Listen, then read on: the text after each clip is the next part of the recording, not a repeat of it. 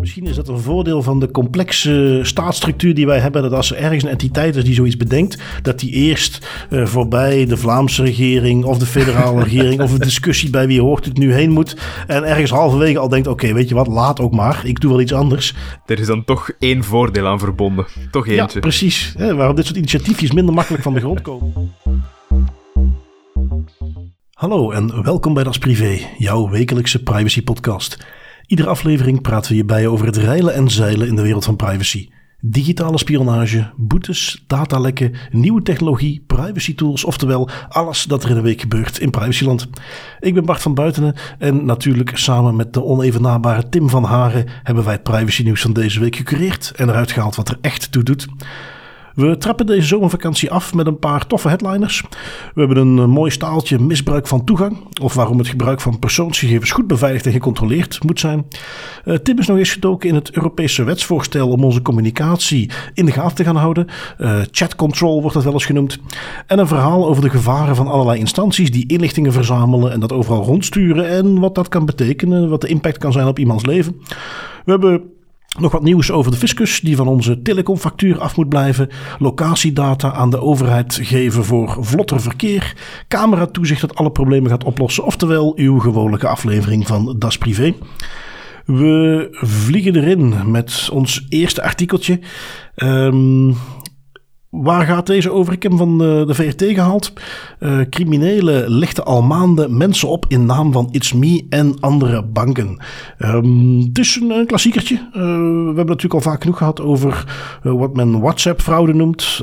berichtjes die binnenkomen en waar iemand dan om geld vraagt en doet alsof hij een bekende is. Je hebt het ook gewoon via de wat simpelere sms'jes. ik denk dat iedereen die ondertussen al wel eens heeft gehad. Een It's Me sms'je, een sms'je van de bank. Uw account wordt afgesloten. Klik hier om u te verifiëren.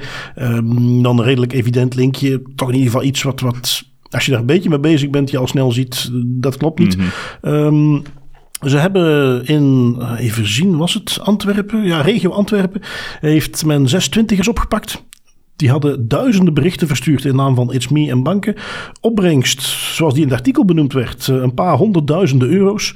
Um, wat was daar vooral het interessante? En, en dat is ook maar ook een beetje aanhalen als voorbeeldje van waarom het zo belangrijk is om uh, toegang tot persoonsgegevens goed te beveiligen.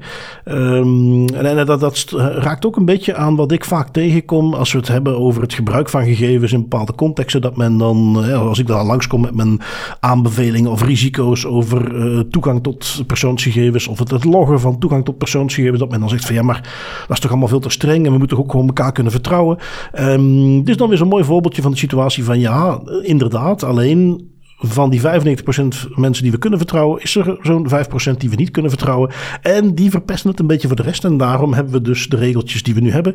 En daar gaan sommige mensen zich onnodig gecontroleerd voelen, maar we gaan er andere misbruik mee voorkomen. En dit is een voorbeeldje van zo'n soort misbruik. Want een van de twintigers die opgepakt is, een dame in dit geval, die werkte eventjes bij de contact tracing. En die heeft uiteraard, want we hebben al een paar keer flink afgegeven op de GGD in Nederland, maar kennelijk speelt hier toch echt hetzelfde. Die heeft daar heel wat data uit uitgetrokken. En diezelfde data is dan nu gebruikt om die uh, berichtjes te versturen en om dus die uh, opbrengst buiten te maken. Uh, heb jij ook zo'n uh, berichtje gehad, Tim? ik ben misschien een van de lucky few, want ik heb nog zo geen berichtje gehad. Gelukkig. Nog nooit? Jawel, jawel. Ik heb natuurlijk wel phishingberichtjes gehad, maar niet van, van dit soort. ah, oké, okay, okay, maar, maar wel zeggen een sms-berichtje toch alles met zo'n uh, van een bank ja, of iets ja, anders. Tuurlijk, tuurlijk. Ah, ja, okay, Misschien okay. ligt het aan het feit dat ik mijn uh, gsm-nummer zo goed afschermen beveiligen. Ja, wel. Ik, ik ben er dus uh, jarenlang heb ik daar nooit last van gehad. Uh, maar ineens, uh, sinds goh, een jaartje geleden, anderhalf jaar geleden, mm -hmm. begin ik die ook te krijgen. En ja, wie weet is dit uh, de oorzaak. Um, in ieder geval, uh, ik heb die dus zeker wel eens gehad. Um, wat is nu concreet gebeurd vanuit de politie? Men heeft dus op een uh, goede woensdagochtend deze week 80 politiemensen zijn op 12 locaties in Antwerpen binnengevallen. Wustwezel, Niel, Bever ook nog. Zes verdachten, twee vrouwen en vier mannen werden gearresteerd, waaronder drie kopstukken van de bende. Nu, als ik dat zo lees, 80 politiemensen op 12 locaties vallen die binnen. En dat alles voor een netwerkje met een geschatte opbrengst van een paar honderdduizend euro. Volgens mij klopt dat iets niet. Dat, dat moet aanzienlijk meer zijn. Ehm, nu goed, wat kennelijk bleek, men uh, deed dan, als het geld was binnengekomen, moest dat natuurlijk op de goede manier witgewassen worden. Dus men ging allerlei luxe kleren kopen, kocht allerlei elektronica die dan weer doorverkocht konden worden. Dus misschien dat ze gewoon die 100.000 euro bedoelen als de cash die ze gevonden hebben en dat de rest al uh, aangekocht was of, of de, al geïnvesteerd was in cryptomunten misschien. Um, maar dat, dat, dat, leek mij een beetje een, uh, ja, een hele laag inschatting. Als je ziet dat ze duizenden van die berichtjes versturen. Um, nu goed, dat is wat ieder geval in het artikeltje stond. En ja, het enige wat ik me nog uh, moest bedenken, en, en dat is iets wat ik altijd mee wil geven, omdat we niet moeten onderschatten. Want ik zei in het begin 95% die netjes met gegevens omgaat, 5% die er misbruik van maakt. Ik denk dat het echt wel minstens zo'n inschatting is. Um, Met als onderscheid misschien, je hebt nog je hebt misbruik als in bewust misbruik. En je hebt misbruik als in gegevens gebruiken voor iets wat, wat niet de bedoeling is. Zonder dat je daarmee kwaad aan die personen bedoelt. Ik denk even aan een voorbeeld wat ik recent tegenkwam in een medische context. Waarin een uh, arts een discussie met een andere arts wilde uh, uitvechten. Door bepaalde gegevens te raadplegen. En die had te kunnen gebruiken in zijn discussie. En die arts die zich daar in die context van geen kwaad bewust was. Die misschien zelfs gelijk had, die discussie met uh, die collega. Maar die dus dan eventjes dossiers ging raadplegen van patiënten waar hij zelf niet de verzorgende geneesheer was. Daar hij, zoals het mooi heet, geen therapeutische relatie mee had. En ja, dat is natuurlijk niet de bedoeling. Nee, nee, dat kan absoluut niet de bedoeling zijn. En ik, ik, ik vind het heel grappig, want die discussie komt overal, denk ik, terug. Als we het hebben over die 95% die het goed doen en die 5% die dan eigenlijk ervoor zorgt dat er toch bijkomende maatregelen nodig zijn.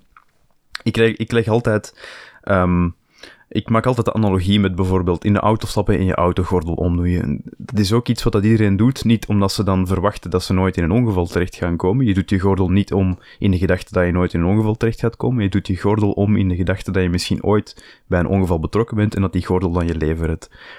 Dus dat is ook weer exact dezelfde manier. 95% van de gevallen ga je altijd heen en weer kunnen gaan met je auto. Gaat er nooit iets gebeuren, maar in die 5% ga je heel blij zijn dat je die gordel aan hebt. En ga je ook heel blij zijn dat je bijkomende maatregelen hebt genomen om ervoor te zorgen dat er geen misbruik van wordt gemaakt of dat er iets fout gaat. En om jouw analogie dan meteen nog iets verder te trekken. Je hebt ook mensen die ervan overtuigd zijn dat zij nooit in een ongeluk gaan komen. En die die gordel alleen maar aandoen omdat ze weten dat ze een boete krijgen als ze dat niet doen. Dat is ook goed. Dat is ook goed. Daarmee, als ze een ongeluk krijgen, hebben we toch hun leven kunnen redden. En ook al zijn ze er zelf niet mee eens, omdat ze anders een boete krijgen, eh, doen ze dat toch om. Wel, datzelfde hebben we hier ook in de context met omgaan met persoonsgegevens. Je hebt de maatregelen die je oplegt om de mensen die het misschien sowieso al goed zouden doen, nou ja, die hebben daar dan in die zin ook geen last van. Uh, en tegelijkertijd, uh, als je dan toch mensen zou hebben die um, goh, misschien een tikkeltje eigenwijs daar toch iets mee willen doen wat niet de bedoeling is, ja, dan heb je dus, ga je maatregelen nemen om te voorkomen. En dat is waar wij, als in ons werk als DPO of het toezicht houden op hoe er met gegevens wordt omgegaan, dat is waar wij op letten. Dat is niet om mensen dwars te zitten, dat is gewoon om net de, de, de fouten die mensen per ongeluk maken, of met de beste bedoelingen, of bewust misbruik maken, daar nemen we maatregelen tegen om dat dus zoveel mogelijk te voorkomen. Dus daar vond ik dit weer een, eh, een mooi voorbeeldje voor. Mhm. Ehm, nu goed, dat, dat is als je vanuit uh, personen hebt die uh, misbruik gaan maken van gegevens. Het kan natuurlijk ook vanuit de overheid zelf komen die besluiten om misbruik te gaan maken van gegevens. En zo zie ik toch die wetgeving rond het gaan analyseren van onze communicatie. Uh, met de doelstelling om, om, om de klassieke zware criminaliteit, kindermisbruikmateriaal en dergelijke op te sporen. Um, nu goed, dat loopt al een tijdje. Maar jij hebt een artikeltje meegenomen, Tim, van Netspolitiek en een stukje Reddit ook. Waar we daar in iets dieper op inging en waar het nog wat verder zou gaan dan we tot nu toe dachten. Ja, ja. Um, en het gaat, Netspolitiek heeft eigenlijk een gelekt document in handen gekregen van de Europese Commissie. Wel, ze hebben het niet gekregen van de Europese Commissie, maar het is een document van de Europe Europese Commissie dat zij hebben gekregen via een onbekende bron die het heeft gelekt. Um, en in dat document gaat de Europese Commissie in op vragen van Duitsland rond het voorstel voor de nieuwe chatcontrolwetgeving. Want in, in juli 2021 um, trad chatcontrol 1.0 eigenlijk al in werking. Dan is het van, vanaf dan was het mogelijk om vrijwillige surveillance in te gaan bouwen uh, van communicatie om kindermisbruikmateriaal te gaan detecteren. Dat is altijd het, het, grote, het grote punt dat zij hebben gemaakt.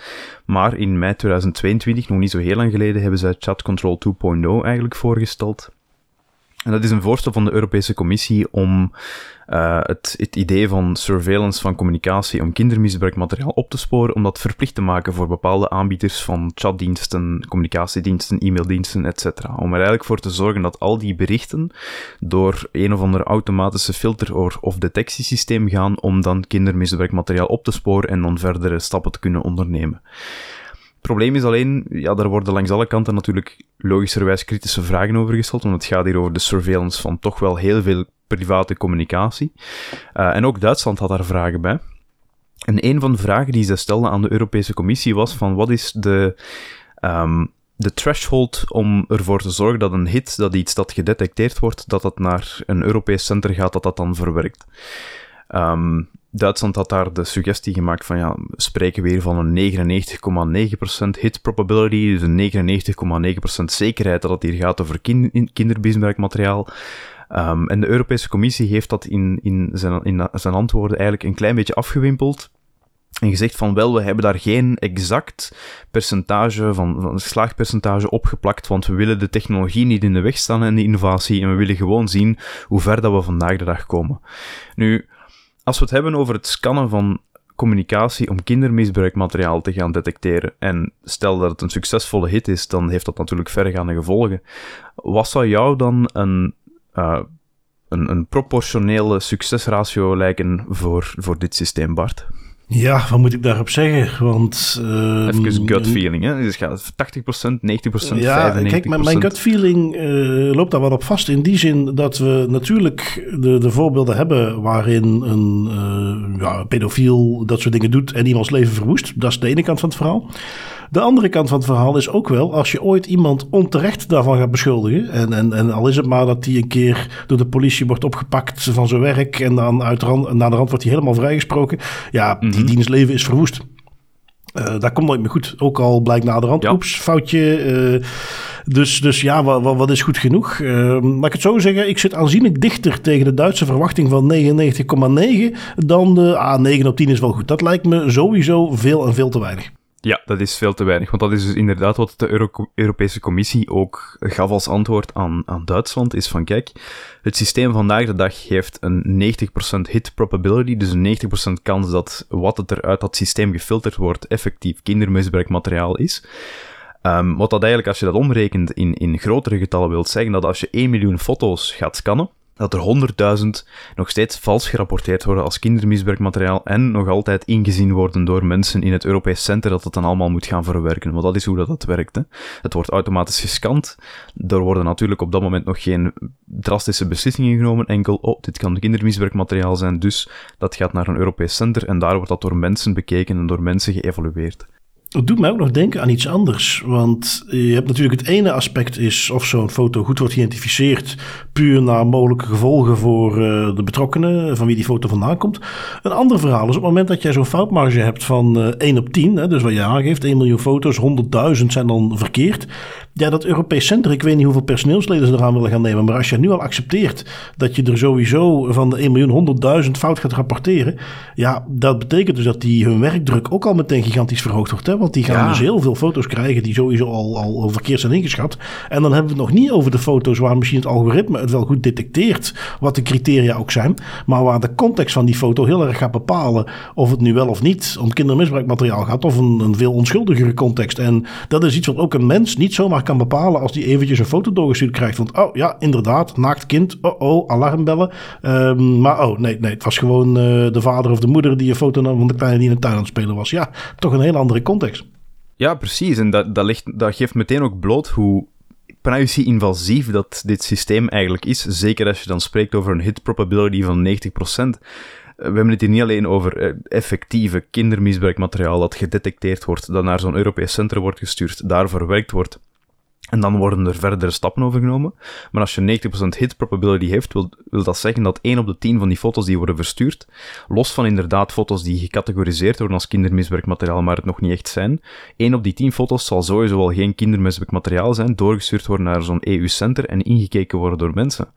En dat is, dat is een hele grove privacy schending, want vandaag de dag, oké, misschien doet niet iedereen dan, maar er zijn heel veel mensen die bijvoorbeeld aan sexting doen dat wil dus ook zeggen dat bijvoorbeeld heel veel naaktfoto's, heel veel sextingberichten of, of seksueel getinte berichten, naar die EU-centers gaan, zonder dat dat eigenlijk kindermisbruikmateriaal is, maar gewoon omdat het door een algoritme verkeerd wordt opgepikt, 1 op de 10 kans, komt dan naar daar. Zoals jij ook al aangaf, mensen die foto's trekken van hun kinderen in de tuin, in bad, whatever, in een zwembad, en dat wordt verkeerd opgepakt door de algoritme, 1 op de 10 kans, dat gaat allemaal naar de Europees Center en die mensen zijn dat allemaal aan het inkijken. Dus ja, ja dat is een, dat is een veel, te, veel te ruime failure ratio. En, en dan zul je nog zien dat je hebt nog steeds een categorie waar, oké, een kind wat uh, bloot rondloopt in een tuin met uh, een, een, badje op de achtergrond, daar zul je nog wel in de meeste gevallen van kunnen afleiden. Ja, dat, dat is geen kindermisbruik. Maar ik noem maar wat. Ik heb ook mijn kinderen in de tijd wel eens in bad moeten doen en dat ze daar absoluut niet blij mee waren. En dan zie je een kind dat eruit ziet alsof er ik weet niet wat gebeurt, terwijl het nog steeds maar gewoon een ouder is die zijn kind in bad doet. Um, Ja, daar gaat een mens niet zomaar van kunnen detecteren of het, wat er nu aan de hand is. En hier hebben we het dan nog, tenminste, dat, dat denk ik, hè, want we hebben het hier over dan die, die technologie die ontwikkeld wordt door dat EU-center, die dat moet gaan detecteren. De, de insteek van dat voorstel is dat men vanuit de EU effectieve technologie gaat aanreiken om die analyse te doen. In dat voorstel stond ook dat het niet alleen maar ging om het detecteren van uh, bestaand materiaal, uh, maar ook nieuw materiaal en dan vooral ook de mogelijkheid tot grooming. En dan denk je dat, dat dat hier nog niet in voorzien is, want daar ben ik nog steeds super benieuwd naar hoe ze iets gaan ontwikkelen wat kan detecteren of er gegroomd wordt of niet. Nee, klopt. Dat, dat, lijkt hier nog niet eens mee in rekening te, te zijn genomen. Het gaat hier puur over het detecteren van kindermisbruikmateriaal. Dus, dus foto's die ofwel bekend zijn of die misschien zelfs nog niet bekend zijn. En daar dan een hit probability van 90% opgeplakt, ruim geschat. Maar inderdaad, stel er dan nog eens grooming bij, wat dat echt, ja, dat, dat maakt de zaak nog eens 10.000 keer complexer dan dat het eigenlijk vandaag de dag al is. Hè. Als je ziet dat het nu al maar een hit probability heeft van 90%, wat gaat dat dan zijn als je iets complex en, en uh, heel verwarrend, zelfs voor een algoritme als grooming gaat introduceren in dat, in dat algoritme? Dat gaat niet goed komen. En dat is eigenlijk ook exact het punt dat ik wil maken hier. Hoewel de doeleinden van chat control nobel zijn, namelijk het, het uh, wegwerken van kindermisbruikmateriaal uit de wereld, is de, de executie, de manier hoe ze het aanpakken, sloppy en, en gaat ze veel te breed en gaan er veel te veel ja, onschuldige bijvangsten gebeuren in mijn ogen. Ja, nee, dat verwacht ik ook. Dat verwacht ik ook. Dus ja, het is er eentje die wij in detail zullen blijven opvolgen. Want het is gewoon heel interessant om te zien uh, waar het heen gaat. Ja. Um, wat heb ik nog meegenomen? Ja, eigenlijk misschien in het verlengde daarvan. Uh, want daar past deze wel mooi bij. We halen al een paar keer aan van, ja kijk, eh, dat, algoritme, die tools van die chat control, die moeten gaan detecteren of iets kindermisbruikmateriaal is of niet. Een false positive kan grote gevolgen hebben. Los van de kindermisbruikcontext, maar het volgende wat ik heb meegenomen uh, komt van RTV Oost. Dat is een, een, een wat regionale omroep in, in Nederland, als ik me niet vergis in, uh, in Twente. Um, en dat komt, uh, dat heeft hier wat mee te maken. Want dit gaat ook over wat er dus gebeurt op het moment dat er verkeerde signalen worden geregistreerd. Uh, het artikel, en er is ook een videootje bij, uh, eigenlijk gewoon best interessant om die even te bekijken. Het artikel gaat over Neil Brinkhuis. En Neil, als je die ziet, ook in de video, is een zwarte man, vol met tatoeages. heeft in een motorclub gezeten. Satudara, in Nederland een hele bekende motorclub. Um, die heeft daar natuurlijk in de tijd dat hij daar zat. Uh, de reden waarom die motorclub zo bekend is, is niet omdat ze teekhandjes houden, maar omdat ze bekend staan om zware geweldpleging. En in de tijd dat hij daar zat, uh, heeft hij uiteraard ook veroordelingen gehad. Is op een gegeven moment uh, tot de conclusie gekomen: dit is geen lange termijnvisie, ik ga iets met mijn leven doen. Um, is dat gaan verbeteren, is een coachingbedrijf opgestart. Specifiek om jongeren te bereiken. Die mogelijk hetzelfde pad op gingen als hij. Is als, zoals dan zo mooi heet, ervaringsdeskundige. Ging hij die dan coachen, begeleiden. En ja, kon die beter bereiken. Was ook in tegenstelling tot andere hulpverleners veel meer bereid. Ook vanwege zijn ervaring. Uh, ook vanwege een postuur. Het is iemand die eh, breed gespierd is. En die ging iets sneller ook in onveilige situaties. En volgens eigen zeggen was hij dus op een gegeven moment een redelijk succesvolle coach. Um, ineens, uh, waar hij niet meteen snapte waar dat vandaan kwam, merkte hij zo de laatste twee jaar dat hij ineens veel minder opdrachten kreeg. En dat hij ouders aan de lijn kreeg die zeiden van ja Niel, ik wil jou inschakelen, ik ken jou, je bent een goede coach, maar uh, in het traject bij de gemeente wordt, uh, mag ik jou niet kiezen. Dus Niel zei ook van ja, ik krijg daar helemaal zelf geen berichten meer van binnen. Dus die, die, die, ja, die kreeg steeds minder toegestuurd is dat gaan uitzoeken. Wat blijkt in een rapport van het RIEK uh, wordt hij genoemd. Um, het RIEK, een voor mij onbekende instantie, even gaan uitzoeken. En uh, het RIEK, dat uh, staat voor Regionaal Informatiecentrum en Expertisecentrum. Uh, het zal wel zeggen, Regionaal Informatie- en Expertisecentrum zal het wel zijn. Um, en RIEKs, die zitten dus per provincie in Nederland. En ja, die, om het eventjes in hun eigen lingo te vertellen, die stellen integrale handhavingsadviezen op, stemmen projectmatig bestuursrechtelijke, strafrechtelijke en fiscale interventies af met regionale partners. Oftewel, weer een voorbeeldje van een, een, entiteit die op een bepaalde manier inlichtingen verzamelt, daar rapportjes over schrijft en dat doorstuurt aan lokale partijen zoals gemeentes, politie, die er dan iets mee kunnen doen. En wat bleek nu? Dit is dus weer zo'n entiteit die een rapportje over, in dit geval Niel had geschreven. Die hadden dat doorgestuurd naar een aantal partijen, waaronder gemeentes. En daarin stonden dingen zoals uh, is agressief, um, mogelijk risico dat de jongeren die die begeleidt gerecruiteerd worden voor de activiteiten wat hij zelf in het verleden mee is bezig geweest. Nader onderzoek wees dan uit dat de informatie daarin stond eigenlijk niet geverifieerd was, gewoon gebaseerd was op meldingen die binnenkwamen. En die het zij via gemeentemedewerkers die dat hadden gedaan, het zij via politie die een aantekening hadden in een systeem, maar dat verder niet geverifieerd hadden. Zeker ook geen uitspraak door een rechter of iets dergelijks. En dat was op die manier in een systeem gekomen. Dat was in een rapportje gekomen. Het rapportje was rondgestuurd. En op die manier uh, ja, kreeg dus Neil geen enkele opdracht meer. Is, zit zijn bedrijf aan de grond. Heeft die schulden, uh, ja, de usual wat je mag verwachten op het moment dat je als zelfstandig ineens nul opdrachten meer krijgt en zelf geen benult waarom. En ja, ik moet er meteen bij zeggen, in het videootje, in het artikel zelf wordt niet nader bekeken of er waarheid zit achter die uitspraken. Uiteraard, de context van het verhaal is dat dat niet zo is. Um, als je Neil zelf moet geloven, was hij ook gewoon succesvol bezig als coach en had hij zijn leven op het rechte spoor. Uh, heeft natuurlijk ook gezegd dat het impact had op zijn gezin. heeft zijn huis bijna moeten verkopen. De klassieke dingen die je mag verwachten, ik zei het al. Um, ja, ik, ik vind dit weer een mooi voorbeeldje, want we hebben dan nu, en, en ik moet toegeven, dat lijkt toch wel een, een, beetje een Nederlandse ziekte te zijn. Om allerlei entiteiten te hebben, of nu de NC TV is, of het zijn de gemeentes zelf, of dus nu in dit geval dat RIek, die allerlei informatie verzamelen, rapportjes stikken, dat niet fatsoenlijk verifiëren. Uh, hier vraag ik me af, maar goed, ik, ik ga er dan maar even vanuit dat de manier hoe het RIek aan zijn inlichtingen komt, dat dat wel binnen hun wettelijke kaders valt. Maar ja, de, de, de schade alleen al, zoals hier ook weer, als je ziet dat ze dan dat soort dingen eventjes gaan verzamelen en rondsturen, waarbij hier toch blijkt dat er helemaal niets aan de hand is en je dus iemand zijn leven kapot maakt, dat is nu precies het gevaar waar wij steeds zien als we het hebben over het gaan verbinden van databankjes en allerlei uh, fraudedetecties en AI loslaten op bepaalde signalen. Want uh, we hebben dat bij de Belastingdienst in Nederland ook al gezien, als eenmaal dat soort systemen werken en die genereren signalen, ja, dan gaat men daar ook op ageren. En die worden niet gewoon genegeerd daar zijn ze nu helemaal voor. En dan krijg je dus dit soort uitwassen. Ja, dat is, dat grappig dat je dat eigenlijk zegt, want ik was exact hetzelfde aan het denken van... Dat, dat, het lijkt wel bijna iets typisch Nederlands te worden. Hè? We zijn nu al, wat is dat nu, bijna anderhalf jaar, net anderhalf jaar bezig met de podcast, denk ik. En het aantal artikels en het aantal cases dat we wel kunnen meenemen vanuit Nederland, waar het gaat over echt een, een, een stelselmatige klikdrang of het bijhouden van datasetjes om toch maar te kunnen gaan valideren en te gaan kijken of iemand niet aan fraude doet of iets anders doet. Er komt er veel meer vanuit Nederland dan er komen vanuit België. En misschien komt dat gewoon omdat wij te lui zijn om ze te bekijken, of wij zijn daar gewoon nog niet matuur genoeg voor om dat, om dat te detecteren.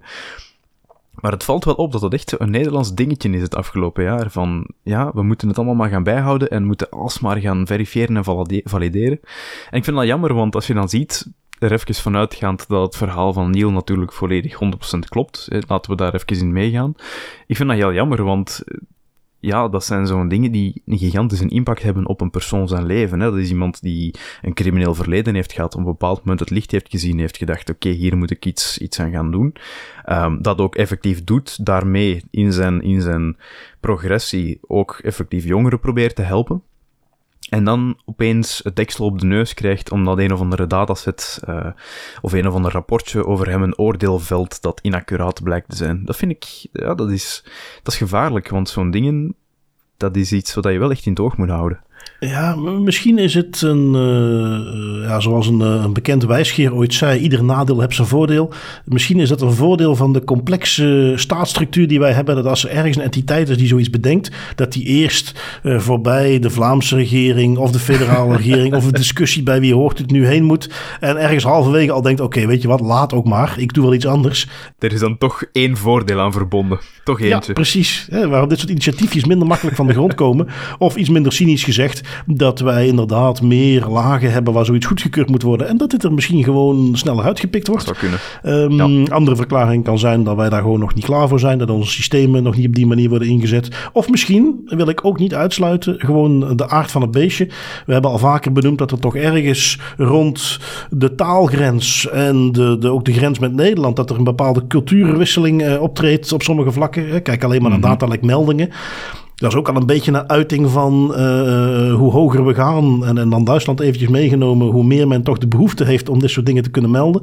Want uh, ik geloof een twintig fout aan datalekmeldingen zien ze in Nederland en andere Scandinavische landen. Dus ja, de aard van een beestje. Hoe dan ook, benadruk nog maar eens waarom wij en, en andere privacyactivisten en, en ook gewoon mensen vanuit uh, het parlement, waarom wij steeds zo alert zijn op het moment dat er weer wordt gesproken over nieuwe systemen, fraudedetectie, uh, meer data aan elkaar gaan koppelen.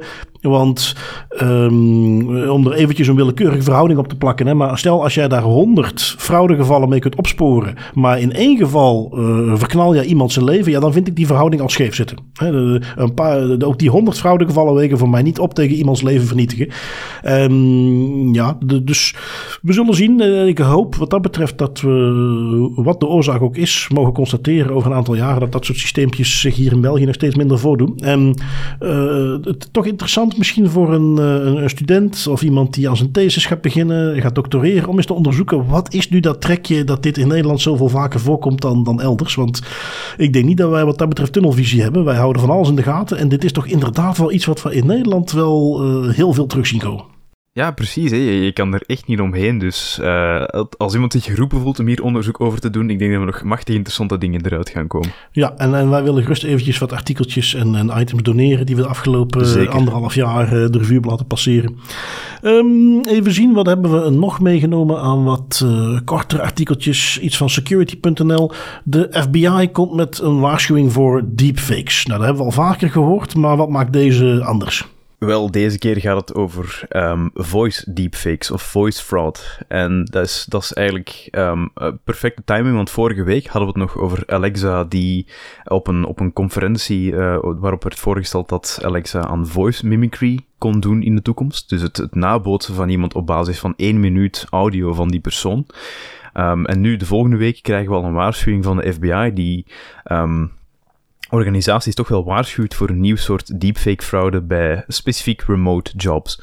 Um, de FBI meldt namelijk een, een, toenemend aantal klachten over het gebruik van voice spoofing of voice deepfakes. En uh, gestolen persoonsgegevens bij sollicitaties voor remote jobs, voor thuiswerkjobs. Um, specifiek voor jobs die zich wat rond de sector van het programmeren, database en software development uh, huizen.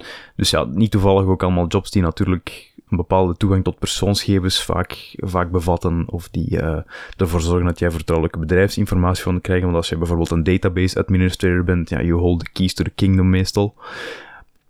Dus dat is wel interessant om te zien. Um, en maakt nu eigenlijk is het punt duidelijk dat we vorige week hebben aangehaald van als je deze technologie met Alexa uh, tot op het punt gaat brengen dat elke consument met één minuut audio van een persoon iemand echt goed, heel goed kan nabootsen, dan gaat dit soort fraude, fraudeleuze praktijken echt de hoogte inschieten.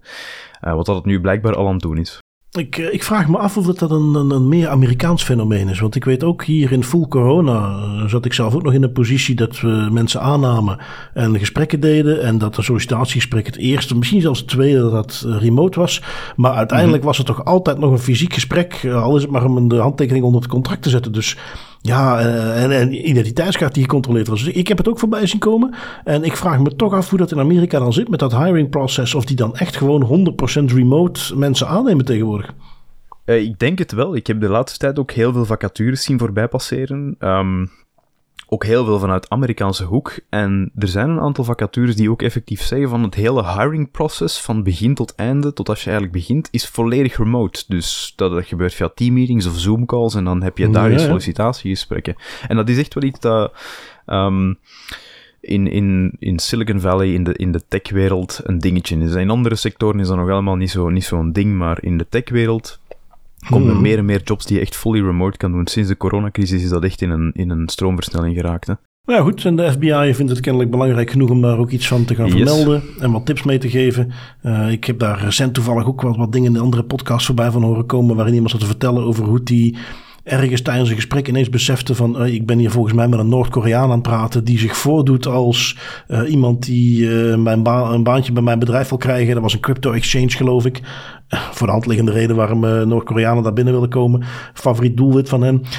Um, en, en die ook aangaf van ja, iemand die dan zijn webcam niet aanzette. Een accent had wat ik, uh, ja, omdat ik zelf veel Koreaanse vrienden heb, herkende ik dat. Dat moet Koreaans zijn. Maar die deed zich voor als ik noem maar wat door Bill Smith. Dus dat klopte duidelijk iets niet.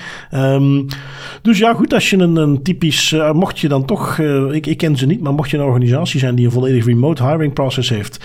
De klassieke red flags van uh, camera niet aanzetten, vreemd accent hebben, uh, inconsistenties in cv en het verhaal wat verteld wordt, dat zijn toch allemaal dingen die je even tot nadenken aan moeten zetten. Um, maar ik denk precies vanwege die reden, ik, ik, zou wel benieuwd zijn, mocht iemand nu luisteren en zeggen van ja, wij doen volledig remote hiring, gewoon om wat eens te horen, ben ik dan wel benieuwd of het effectief zo is, want uh, ik ken geen enkel bedrijf waar ik dat hier al voorbij heb zien komen. Toch zeker niet voor jobs waar je ook maar op de een of andere manier in aanraking komt met gevoelige gegevens. Ja, dat is het natuurlijk. Het zal een beetje afhangen van, van welke jobs je uitoefent en wie dat aanbiedt. Wat dat ook nog wel, dat is eigenlijk, um, ik had er nog niet zo over nagedacht toen ik dat in de show notes had gezet, maar dat koppelt eigenlijk heel goed terug bij hetgeen wat jij in het begin ook zei, die, die 95% die het goed doet en dan die 5% die misschien potentieel slechte bedoelingen heeft of zelfs zonder slechte bedoelingen het fout doet dat idee, die logica kan je hier ook gewoon op gaan toepassen. Hè. Niet elke medewerker die je aanneemt, zeker in zeer gevoelige sectoren, heeft goede bedoelingen. Dat is nu eenmaal iets waar je rekening mee moet houden. De kans dat het voorkomt is relatief klein, maar zoals inderdaad een crypto-exchange die plotseling in aanraking komt met een mogelijkse Noord-Koreaan die toegang wil krijgen tot die data. Het kan ook allemaal via social engineering en via sollicitatiegesprekken verlopen. Insider ja, threats zijn nog altijd een ding. Absoluut. Um, wat hebben we nog? Data News had een artikeltje. Ik vond deze apart uh, om twee redenen. Het eerste, het evidente, uh, dat ze het op die manier probeerden. Waar gaat het over? De uitspraak van rechtbank van eerste aanleg in Brussel. De fiscus mag geen facturen opvragen bij telecomoperatoren om bijvoorbeeld onderzoek naar domicilie te doen. waar gaat het over? Mensen die bij de fiscus aangeven wij zijn niet gedomicileerd in België, moeten daarom op een bepaalde manier minder belasting betalen. Maar de ze daarover. En de BBI, de Bijzondere Belastinginspectie, wil dan bij de telecomoperatoren dus gaan opvragen, uh, telecomfacturen gaan opvragen om dat vast te stellen. Um, uit het verdere verhaal haal ik eigenlijk wel, want ze verwezen ook naar een, quote uh, uit de, um, uh, ja, de beslissing. De doorzending van verkeers- en locatiegegevens aan de fiscale administratie zien ze als een ernstige inmenging in het recht op privacy. Ja, dat, dat geeft dus aan dat het om meer gaat dan puur uh, factuuradres of de facturen. Hè, als het om verkeers- en locatiegegevens gaat. Um, en goed, dat was dus de bedoeling van de BBI om toegang te krijgen tot die gegevens. Uh, Proximus die weigerde dat, is daarvoor voor de rechter gesleept. Of nee, ik moet goed zeggen, heeft een boete gekregen van de BBI. Zij zijn dan naar de rechter gestapt. En die heeft dus nu gezegd van nee, jullie hebben daar correct protest tegen aangetekend. Uh, wat dat betreft dus eventjes een pluim op de hoed van de telecomoperator die geweigerd heeft, ondanks dat ze een boete kregen om die gegevens vrij te geven, opgekomen is voor het recht op privacy. en dat uiteindelijk ook gewonnen heeft. Maar wat, mij, dat was het eerste wat ik dus goed vond aan deze zaak. Het tweede wat mij wat uh, opviel. Er stond een quote van Vincent van Quickenborne zei. Die aangaf dat de aankomende dataretentiewetgeving uh, het sleutelgat toch al flink ging minimaliseren. Zoals hij het dan kennelijk noemde.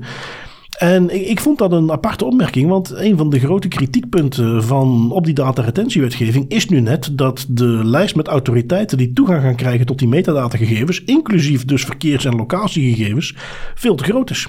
En waar Van Quickenborn dus nu schijnt te zeggen van... oh ja, maar dit is iets wat toch de nieuwe dataretentiewetgeving al gefixt zou hebben. Um, ja, voor zover ik het weet is het precies omgekeerd. Die gaat die data nog breder toegankelijk maken. Um, ja, voor zover dat niet al het geval was met een Europees Hof... die daar heel duidelijke uitspraken over heeft gedaan. Uh, hier ook nog eens een keer gewoon de rechtbank van eerste aanleg in Brussel... die zegt, beste fiscus, ja, we snappen dat je deze gegevens zou willen zien... maar de inbreuk op de privacy is gewoon te groot. Je gaat het op andere manieren moeten doen. En daar kan ik me alleen maar bij aansluiten.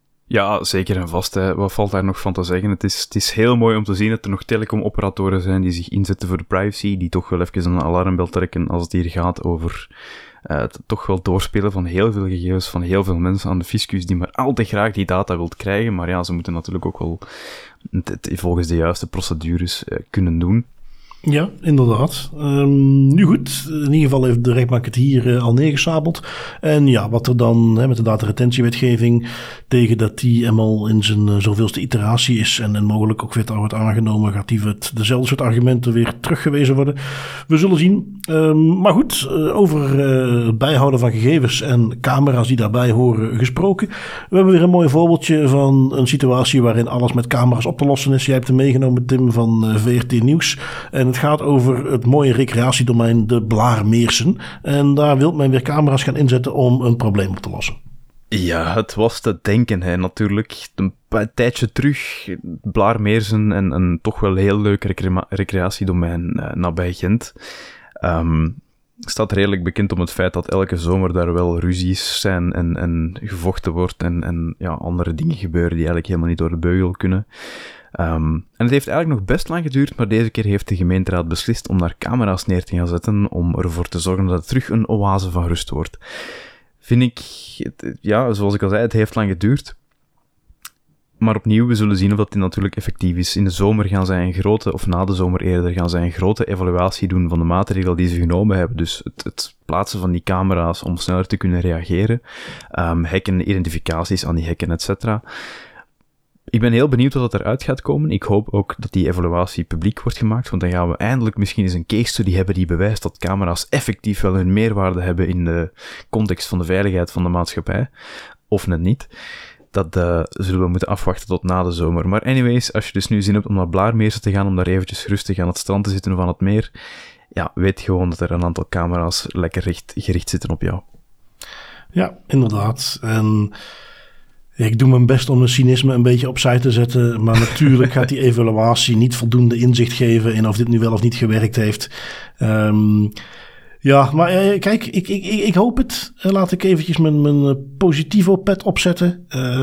men gaat op het einde van de zomer het aantal incidenten bekijken. Um, men gaat vervolgens niet alleen gewoon zeggen van... ah, kijk, deze zomer we hebben minder incidenten. Dus dat betekent dat alles beter is. Um, maar dat men ook eens gaat kijken van... goed, wat hebben die camera's daar nu specifiek aan bijgedragen? Is dat dan puur een mhm. afschrikmiddel? Ja. Um, waarbij je dan bijvoorbeeld... iets waar we veel te weinig zien, dan zou je nog kunnen zeggen... als dat dan de conclusie is van... oké, we gaan dat voortaan nog eens doen. Maar we gaan dan meer voor het panopticon uh, gevoel. Uh, weet je nog wat een panopticon eh, situatie is?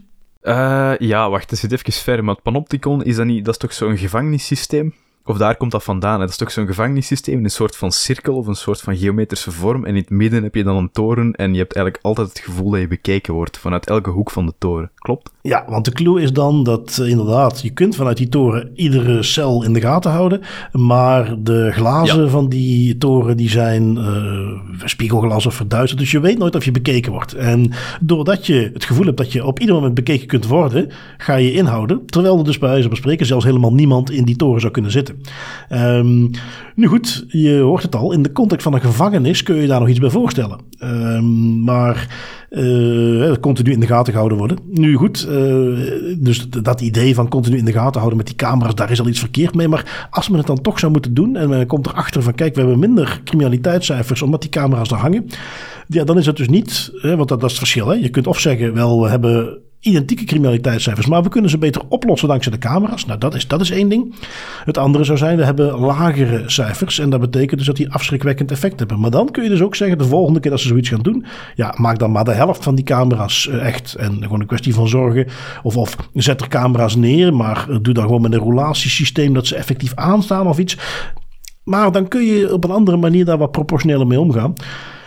Maar goed, ik, ehm, weet je, dat is eigenlijk iets die we zouden moeten noteren, Tim. Uh, want dat is toch iets waar we een hobby van hebben gemaakt de laatste tijd. En dat is dat wij tegen het einde van de zomer, laten we ze wat ruimte geven, ergens uh, eind september, is een openbaarheid van, uh, van bestuur verzoekje indienen.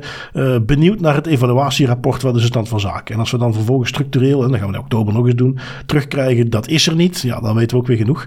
Um, ik ga die eens even bij deze opschrijven. Want dat is er eentje die ik echt wel wil opvolgen. Want Ergens zou ik ook niet liever willen dan dat eens een keer vinden en achterhalen. Het werkt echt. We kunnen nu onomstotelijk vaststellen de balans tussen de mogelijke inbreuk op de privacy en wat we goed maken met veiligheid, met al die camera's. Die is er. Kijk eens, hier is het zwart op wit. Dit werkt echt.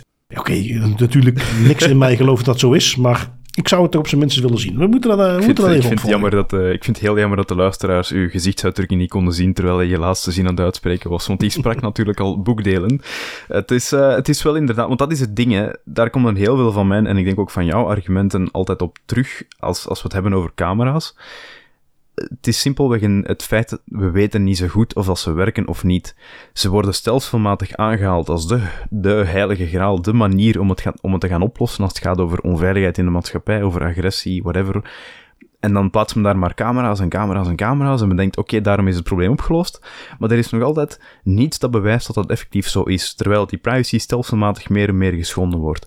En als je nu nog zou kunnen zeggen van, ja, die camera's, die staan daar, die hebben een positief effect op de situatie in Blaarmeersen. Er zijn minder vechtpartijen, er zijn minder mensen die dwaze dingen doen dan kan je nog zeggen van oké, ja, dan heeft dat zijn nut wel bewezen en dan mag dat daar blijven staan op een bepaalde manier, ook al is er een privacy schending. Maar tot, tot dat bewijs komt, wat dat ik ook inderdaad een beetje over twijfel van en, er ooit en, gaat met komen. dat ik het zo, eh, om er toch nog heel eventjes over door te bomen, maar met dat ik er zo zit te bedenken, de kostprijs van die camera's. want het zijn, Ja. er niet, het zijn er niet een paar, hè. het zijn er uh, ettelijke tientallen als ik me niet vergis. En, en, en, iemand die dat in de gaten moet gaan houden, de technologie. Huur van mijn part uh, drie, vier uh, bewakingsagenten in van een bewakingsfirma die daar gewoon maar rondlopen en wat meer zichtbaar toezicht zijn. Een paar flinke, grote jongens van mijn part vol met tatoeages die er echt uitzien alsof ze jou eens een flink lesje kunnen leren. Um, die lopen dan rond. Dat gaat volgens mij tastbaar effect hebben. Um, maar goed, de, dat men in de evaluatie dan dat ook eens meeneemt. En van mijn part eens een keer uh, in een ander park, uh, ze zijn er wat dat betreft genoeg, waar ook problemen zijn, dat men dan eens een keer de alternatieve aanpak doet. Dat we eens even echt fatsoenlijk transparante testing kunnen doen. Wat werkt nu het beste om overlast tegen te gaan? Gewoon een bikerbende um, inhuren en zorgen dat er geen bras van komt, dat is natuurlijk ook een oplossing. Uh, ja, ja, ja, ja, ja, ja. Goed, dat, is, dat is dan weer de andere. We kunnen de rivaliserende bende inhuren en kijken of dat werkt. Um, nu goed, uh, tot zover weer camera's waarbij de burger, de overheid ons in de gaten wilt houden. Um, maar ik kan je ook een ander voorstel doen, Tim. Um, jij installeert een appje op je telefoon. Dat geeft jouw locatiegegevens door aan, laten we zeggen, het stadsbestuur of de lokale overheid. En dat zorgt ervoor dat als je dan bij een stoplicht komt, dat jij sneller groen licht krijgt. En dat je dus efficiënter door het verkeer kunt bewegen als fietser wel te verstaan. En niet uh, voor auto's. Okay. Um, installeer je dat appje. En ik neem aan dat dat een gratis appje is. Laten we daar voor het gemak even van uitgaan. Yeah, that's gonna be a no from me, dog. Maar het is van de overheid, hè? Dus, uh, en, en ja, uh, dan beter nog, dan nog, zeker, zeker van de overheid, hè. we hebben het er al vaak over gehad. Niet per se met de gedachtegang dat de overheid slechte dingen gaat doen en, en Tim van Haren wilt gaan traceren, maar eerder vanuit, er kan van alles misgaan met die data. Ja, en ik bedoel, we weten het ondertussen natuurlijk goed genoeg. We hebben net het voorbeeldje nog gezien. Uh, jij krijgt een fietsvergoeding van de werkgever en de bijzondere belastinginspectie. Die wil toch wel eens even kijken of jij wel vaak genoeg Ja. de fiets gebruikt. En die uh, vragen gegevens op bij uh, de beheerder van het appje. Ik noem maar wat. Zover gezocht is het allemaal niet.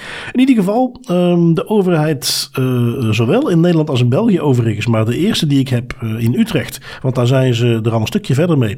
Die zijn ervan overtuigd dat de burger daarvoor open staat. En die hebben zo precies dat, hebben die die beschikbaar gemaakt. Dus met uh, slimme verkeerslichten. Die via een stukje technologie kunnen communiceren met de mensen die met die appjes uh, rondlopen. Die gaat er dus voor zorgen dat op het moment. dat is nu een, een test in 25 kruispunten. in een, ook een parcours van om en bij de 25 kilometer in Utrecht. Waarbij je dus als je dat appje hebt geïnstalleerd, de verkeersdoorstroom voor natuurlijk de milieuvriendelijkere manieren van vervoer, dat zou geoptimaliseerd moeten zijn.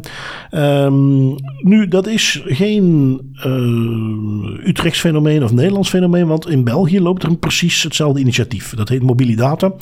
Um, dat is iets, het is nog niet in voegen, men is daar volgens mij nu mee bezig, maar de website is er, daar staat allerlei informatie over. En daar zit ook deze use case bij van het verkeer mm -hmm. vlotter door laten stromen, doordat de gebruiker een appje heeft geïnstalleerd en die kan dan detecteren of je bij een bepaald stoplicht staat en die gaat je dan sneller groen licht geven. Um, ja, ik... Kijk, in mijn simpele, ongenuanceerde mening, dat is gedoemd om te mislukken, omdat dat nooit kritische massa gaat krijgen. Oh wel, ja, laten we daar al mee beginnen. Hè. Los van de, de privacy concerns die je hier kan hebben. Ja, mensen moeten het actief gaan downloaden. Mensen moeten actief de moeite doen om die app te gaan zoeken in de App Store. Om ervoor te zorgen dat het op hun smartphone komt en het dan ook nog eens gaan gebruiken op de achtergrond. Daar stopt het eigenlijk al bij heel veel Ja, van, ja van ik moet het goed zeggen. Uh, kritische massa ga je genoeg hebben. Kritieke massa niet. Ja, inderdaad. Maar anyway, de kritische massa die zit hier al. Hè. Ja, precies. Dat zijn wij al. Voilà. Noem je me dik? hey, your words, not mine. Hè. Dus ja, ik, ik, ik ben benieuwd. En zeker ook het, de, de Belgische variant, of, of de Vlaamse variant is het eerder, geloof ik. Um, ja, wie weet als men uh, daar voldoende de voordelen van kan laten zien en, en trajecten heeft waar je echt merkt dat je daar als burger voordeel van hebt. Maar als ik me dat bedenk, want kijk, zo'n app, je, je kent die functie wel op, op allerlei toestellen, um, waar je dan kunt, je krijgt dan die keuze, uh, mag dit toestel jouw locatie op de achtergrond tracken, alleen maar als je hem gebruikt of gewoon helemaal niet. Nou, en dus heel vaak, ook bij Google Maps en dergelijke, kies je dan voor de, alleen als ik hem gebruik. Ja, dat kan je dus al niet, want per definitie, je bent aan het fietsen, ja, je bent onderweg, dus die moet al op de achtergrond jou gaan bijhouden. Dat betekent dus dat die dat continu zit te doen. Tenzij je daar met hele slimme geofencing alleen maar in een bepaalde regio daar wordt bijgehouden. Maar goed, het idee van dit soort dingen is dat dat natuurlijk op een gegeven moment in heel de stad zou gaan werken. Met andere woorden, je hebt een appje in je broekzak waarbij de overheid continu bijhoudt waar jij bent. Ik zie dat niet gebeuren. Ik zie dat echt niet gebeuren. Dat dat um, niet zozeer. Ik, ik wil niet zo cynisch zijn als zeggen dat is iets waar de overheid meteen vanaf dag geen misbruik van gaat maken. Maar één, we hebben het voorbeeldje net maar aangehaald. Er gaan voorbeelden komen waarbij de overheid dat wel degelijk ook voor andere doeleinden wil gaan gebruiken. En twee, ik denk dat wij genoeg uh, burgers hebben die dat toch echt liever niet zien gebeuren. En die dat gewoon uit vrees van alle privacy schendingen die wij de afgelopen jaren voorbij hebben zien komen, gewoon nooit gaan willen gebruiken. En dat er dus nu een hele smak met geld wordt geïnvesteerd in tooling, die uiteindelijk, nog los van of het werkt of niet, uh, gewoon weggegooid geld is, omdat mensen er totaal niet op zitten te wachten. En als laatste puntje over deze, dat is iets wat volgens mij bij dit soort projecten veel te weinig gebeurt, is, is gaan navragen, zit de burger hier wel op te wachten? Men kan dit wel als een mooi ideetje bedacht hebben, maar is dit iets wat men überhaupt gaat gebruiken? Want dan moet je hier al helemaal niet mee beginnen. Nee, precies. Daar, daar stopt het inderdaad. Hè. Gewoon al eventjes kritisch gaan nadenken over het idee van, kijk, kunnen we hier nu iets mee, een probleem mee de wereld uithelpen? Zitten mensen hierop te wachten? Of gaan we hiermee iets aanbieden, heel veel geld tegenaan smijten en komt er uiteindelijk niks van? En ik vrees nee. een klein beetje dat het het laatste gaat zijn hierbij. Precies dat, precies dat. Er zijn, er zijn te veel redenen om het niet te doen, ik zal het zo zeggen. We hebben nog een andere goddelijke combinatie wat betreft locatiedata. En dat is Google en locatiedata. Uh, die weten er ook altijd wel raad mee. Maar jij hebt er eentje meegenomen waar, als ik jouw uh, titeltje in de show notes moet geloven, Google doet iets goeds met locatiedata. Ja, dat, dat ben ik toch benieuwd waar je mee aan gaat komen. Artikeltje van Tweakers. Ja, ja. No joke, maar inderdaad, ze hebben het voor elkaar gekregen om eens positief in de Das Privé podcast terecht te komen. Ze doen het toch wel weer. Google gaat namelijk um, bezoeken aan gevoelige medische faciliteiten verwijderen uit de locatiegeschiedenis van Android-gebruikers. Um, volgens hun zo snel mogelijk nadat die bezoeken hebben plaatsgevonden. En gevoelige medische faciliteiten gaat eigenlijk al een klein beetje weggeven waar, weggeven waar het over gaat. Het gaat onder andere over counselingcentra, opvangcentra voor huiselijk geweld, vruchtbaarheidscentra, verslavingszorgfaciliteiten, klinieken voor gewichtsverlies, klinieken voor cosmetische chirurgie en uiteraard ook abortusklinieken. Uh, met het Roe versus Wade debacle dat eigenlijk heeft plaatsgevonden in Amerika de voorbije weken, is denk ik Google ook een klein beetje wakker geschoten, omdat nu toch wel heel veel Amerikanen kritisch beginnen na te denken over met wie dat hun data gedeeld wordt en op welke manier die tegen hun gebruikt gaan worden, heeft Google ook gezegd van wel, wij gaan die locatiegeschiedenis van Android-gebruikers misschien toch maar, zeker voor die medische faciliteiten, afzetten in het vervolg. Ja, wel, want daar, uh, en dat is iets wat ik niet heb meegekregen uit het bericht, daar zie ik een belangrijk verschil. Uh, zoals ik het begreep uit het bericht is, wij gaan die gegevens wissen uh, om mensen te beschermen.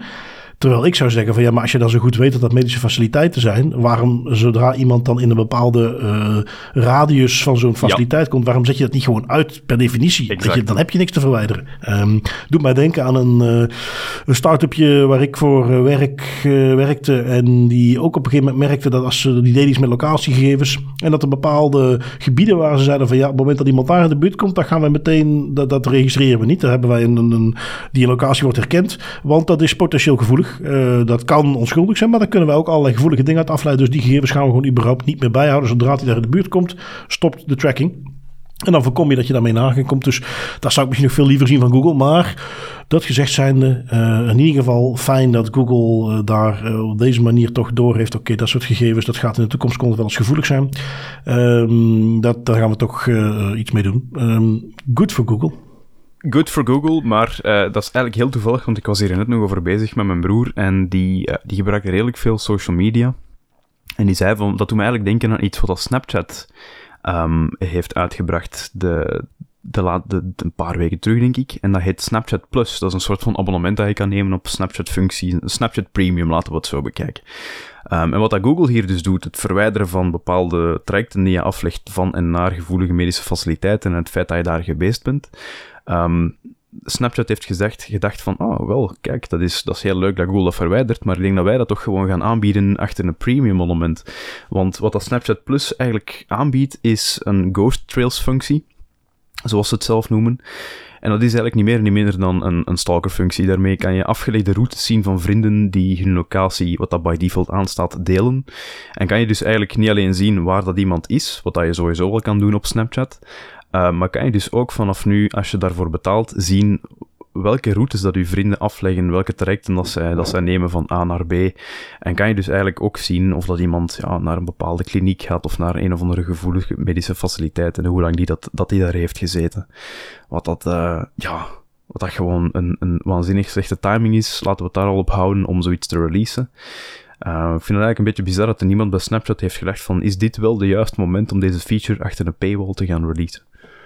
Ja, en, en uh, mijn eerste gedachte als ik zoiets hoor is dan altijd van ja, wie zit daar überhaupt op te wachten? Maar uh, mijn dochter, die toch iets meer de doelgroep van Snapchat is dan dat wij dat zijn, um, die gaf aan dat ze met een hele goede vriendin van effectief zo'n soort functie gebruikt om een locatie te delen. En dat ja, de, ik vroeg dan ja, wat doe je daar dan mee? Ja, nou gewoon, dat is leuk. En mocht er iets gebeuren, dan, dan, dan, dan weten we dat van elkaar. Dus um, ja, daar is kennelijk wel vraag naar. En, en goed dat Snapchat daar dan verder niet mee wacht. Uh, ondanks de gevoeligheid die er nu op locatiegegevens zit. Ja, het doet me wel denken. En ik zag daar ergens, of het nu op Twitter was, op een andere plek. Wat niet wegneemt dat ik het goed vind dat ze daar op deze manier mee bezig zijn. Hè? Maar ik zag daar wel voorbij komen van ja, ik, eh, de betreffende poster gaf aan.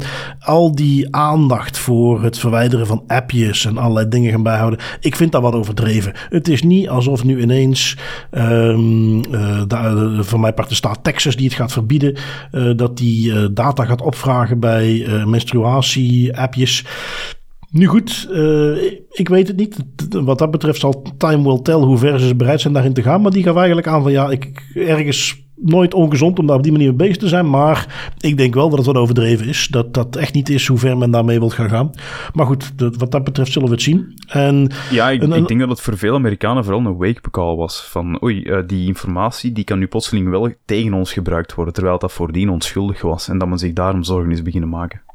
Nee, nee, en dat ze daar een beetje het zeker voor het onzekere gaan nemen, dat uh, lijkt me zeker niet slecht. En dat is ook iets wat uh, China aan het doen is. Die zijn namelijk de um, Tesla-auto's aan het verbieden in sommige steden. Uh, er was een tijdje geleden al toen er een, een belangrijke bijeenkomst was. En, en nu is er een andere stad waar een groot partijcongres op deel staat van de partij. Ja, dat is wel eens leuk. In die context kun je het gewoon hebben over de partij in plaats van Handig, de tien verschillende partijen die het politieke spectrum bepalen. Um, uh, ja, er zijn Tesla's dus gewoon uh, geweerd, mogen niet meer in die stad komen. Um, die maken zich druk om, om de, de mogelijkheden die die Tesla's zouden hebben, omdat die natuurlijk een, een gigantische berg sensoren hebben.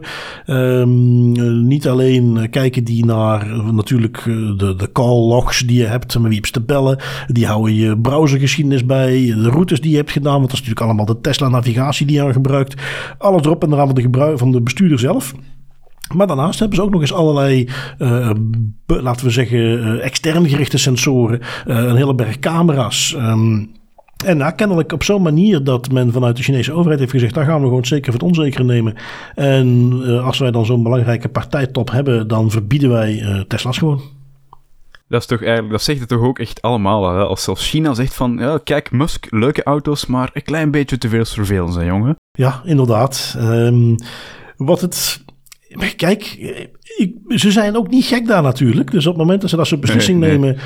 Je kunt dan zeggen, misschien is het ook een beetje ingegeven door uh, economische perspectieven uh, of, of, motieven. Dat men zegt van ja, wij gaan wel op die manier ook een beetje onze eigen Chinese industrie stimuleren. Dus we gaan die Tesla's wat moeilijker maken. Wie weet, maar helemaal voor niks gaan ze het ook niet doen. Dus ik vond dat wel een, een interessante om eens mee te mhm. nemen. En, en ja, goed, inderdaad, die Tesla's verzamelen gigantisch veel data. En ik moet er meteen bij zeggen, zo'n uh, mafkees als Elon Musk, eh, die moet maar een keer opstaan uit bed en zeggen, hey, ik heb ineens een idee voor een nieuwe feature. Ik ga eens eventjes aan mijn team vragen om alle data van Tesla's die voldoen aan die en die en die criteria, om die even aan mij door te spelen. Dat is er zo eentje die zijn status als CEO effectief gebruikt om dan gewoon even één op één toegang te krijgen tot al dat soort data. Dus nee, Tesla wat oh, dat betreft sowieso niet het bedrijf waar ik mijn data aan toe zou vertrouwen. Megalomane CEO's zijn meestal geen eh, synoniem voor privacy. Toch alleen als het ze uitkomt. Um, nu goed, dat soort gegevens laten lekken uh, kan dus een probleem zijn. China zijn ze ervan overtuigd. Brengt ons natuurlijk bij een datalekje waar we deze week hebben meegenomen. Het is geen uh, grote lijst, we hebben er maar eentje. Maar uh, jij hebt hem meegenomen, Tim. En het is iets van ja, een onderwerp waar ik toch altijd erg ludiek vind als daar weer eens iets verkeerd mee gaat. Namelijk NFT's. waar gaat deze over? het, is, inderdaad wel een beetje ironisch. Het gaat hier over het uh, toch wel bekende NFT-platform OpenSea. En dat heeft namelijk gebruikers gewaarschuwd dat hun e-mailadressen zijn gelekt. En ze waarschuwen dan ook specifiek voor phishing-aanvallen die waarschijnlijk zullen plaatsvinden na dat lek. Uh, want ze zijn ervan uitgegaan dat alle gebruikers, en dan spreken we weer toch in een grootorde van miljoenen, zijn getroffen. Nu, wat was daar eigenlijk gebeurd? Het lek heeft niet plaatsgevonden bij OpenSea zelf, maar bij de maker van de mailsoftware die OpenSea gebruikt om mails te kunnen uitsturen naar hun klanten beetje een klassiek geval hè, van, van zo een supplier die zijn security niet goed op orde heeft. Um, en opnieuw, dat is de, de tweede keer, ook niet, ook niet expres, maar we komen weer terug bij die 95% en die 5% van de mensen waar het dan eens fout gaat. Het ging hier over een, een datalek bij Customer.io, makers van mailsoftware. Um, en een medewerker van Customer.io kon bij alle e-mailadressen van OpenSea-gebruikers, had dan ook voor god weet welke reden een handige downloadknop waarmee hij al die e-mailadressen netjes kon downloaden, heeft dat gedaan, die gedownload, en heeft ze dan ook der verder gedeeld en waarschijnlijk verkocht aan mensen met minder zuivere bedoelingen. Geef nog maar eens weer insider threads het gaat niet om het vertrouwen van de 95% werknemers die effectief gewoon een job willen doen en die kosher zijn, maar het gaat ook om die 5% die ofwel met slechte bedoelingen ofwel door onkunde uh, data lekken. Ja, en ik kan hem bevestigen, want ik heb zelf er ook een berichtje van gehad. Want zoals je weet, ik heb ah, voor uh, Das Privé uh, heb ik ook een account aangemaakt en ik heb ons logo als NFT aangemaakt.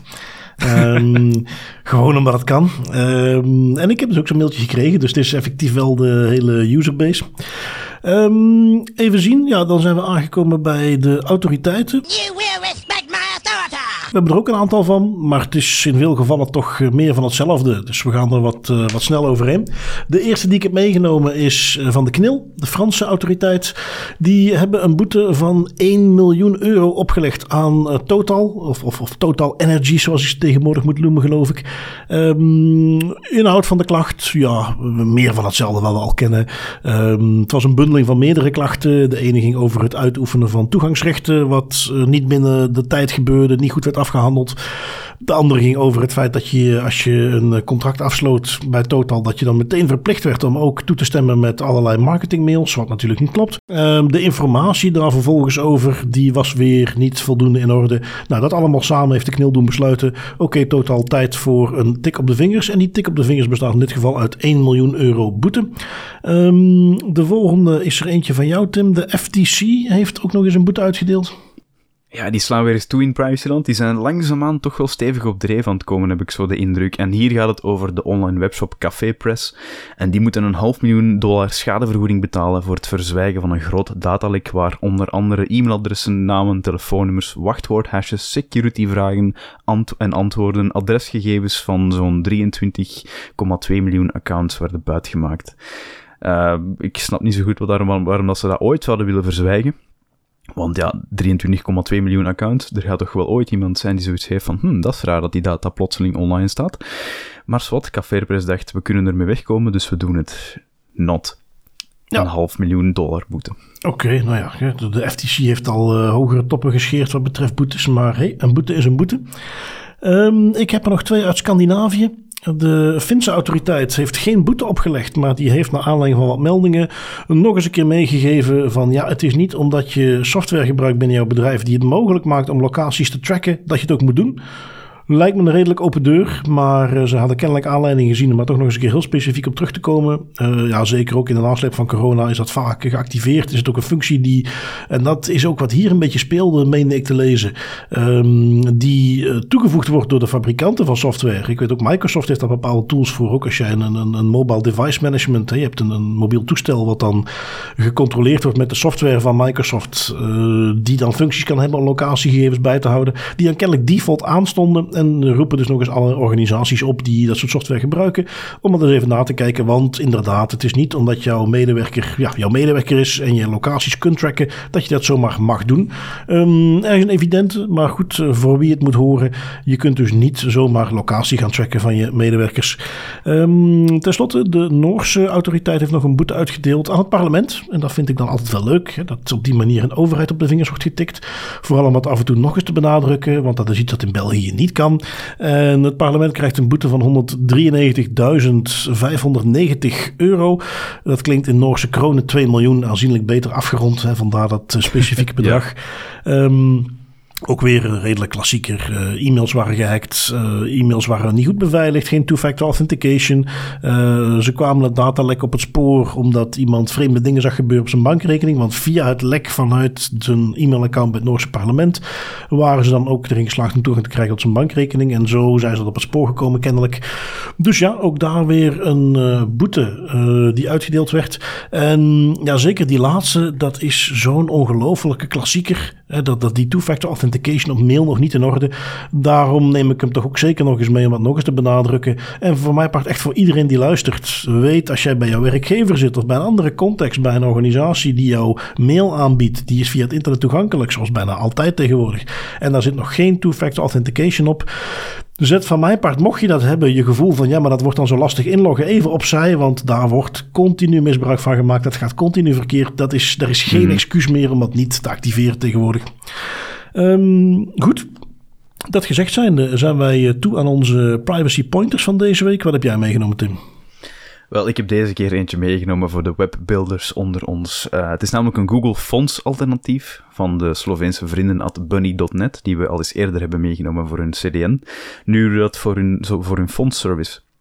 En dus denk misschien, ja oké, Google Fonts, whatever, wat heeft dat met privacy te maken? Maar uh, er is nog altijd een risico dat bepaalde informatie doorcijpelt naar Google als jij gebruik maakt van Google Fonts, omdat die fonts die Google aanbiedt vanuit hun webserver nog gaat download moeten worden. En je dan eigenlijk ook zou kunnen stellen dat Google te weten komt op welke website je zit, om te kunnen weten waar dat die fonts naartoe gedownload moeten worden. Um, het, het alternatief dat Bunny.net aanbiedt, wat gewoon fonts.bunny heet, dat uh, biedt eigenlijk een no-log privacy-friendly alternatief aan waarmee dat je fonts kan hosten en kan aanbieden aan websites zonder dat dat gelogd wordt. Ik vind die helemaal niet slecht. Ik vind het ook een hele goede om hem mee te nemen. Want iedereen heeft wel gehoord, ja, Google Analytics mag niet meer gebruikt worden van de Europese autoriteiten. En, en daar wordt heel erg op gefocust. Maar identiek dezelfde redenering die daar aan ten grondslag ligt, die is ook van toepassing op Google Fonts. En die is eigenlijk van toepassing op iedere externe resource die jij aanroept. Als dat vervolgens betekent dat het IP-adres van de gebruiker en eventueel nog andere parameters wordt doorgegeven aan de aanbieder van die dienst, dat is natuurlijk heel vaak Google. Maar um, Cloudflare valt er ook onder allerlei andere diensten. Als het maar betekent dat er iets wordt doorgestuurd over bezoekers naar, in dit geval dan een dienst in Amerika, ja, dan heb je het dus over zo'n situatie waar ook Google Analytics dus verboden is door een aantal autoriteiten. En men vergeet dat wat. En, en ik verwacht wel als het vizier straks verschoven wordt van Google Analytics naar andere van dit soort varianten, dat Google Fonts vanzelf ook tevoorschijn komt. Is trouwens ook al een keer tevoorschijn gekomen. Een Duitse autoriteit heeft precies in deze context al eens een uitspraak gedaan dat men moest stoppen met het gebruik van Google Fonts. Dus Uitstekend Europees alternatief. Uh, je gaf het al inderdaad aan. Bunny staat al op onze lijst uh, van Europese alternatieven voor andere dingen die ze aanbieden. En deze ga ik er zeker bij zetten. Um, wat heb ik meegenomen? Het is een, functie van uh, Brave. Uh, Brave bekend van de browser, die ik zelf toch ondertussen al een hele tijd gebruik. En uh, de Brave Goggles is een toevoeging op hun Brave Search. Dus je hebt een, een zoekfunctie die ze bij Brave hebben. Uh, ik gebruik die dan weer niet, uh, want zoals wel vaker bij dat soort custom zoekmachines ik heb liever Startpage, uh, waar ik gewoon Google heb, maar zonder alle tracking van Google. Uh, want van Google kun je zeggen wat je wilt, maar hun zoekmachine is nog steeds uh, second to none. maar in ieder geval, zij bieden nu een extra functie aan op hun zoekmachine. En dat is wel een interessante. Je kunt daar zelf filters op leggen. Dus je kunt zelf de, de zoekfunctie beperken in een bepaald onderwerp of binnen bepaalde websites. Dat noemen ze dan Brave Search Goggles. Um, je kunt daar dan zelf wat extra criteria aan meegeven. En dus op die manier met de kracht van een grote zoekmachine in een veel specifiekere context gaan zoeken. En dat vond ik nog wel een, een leuke feature om mee te geven. Um, dus dat is mijn privacy pointer van deze week. Ja, en, heel leuk. Uh, ja, Tim, dan zijn we weer aan het einde gekomen van een aflevering Das Privé. Ik uh, vond het weer een heel leuke. Ik hoop onze luisteraars ook. Ik wil jou weer bedanken voor je tijd. Zoals altijd, met heel veel plezier. En uh, ja, voor de rest, luisteraars, Tim, tot volgende week. Tot volgende week.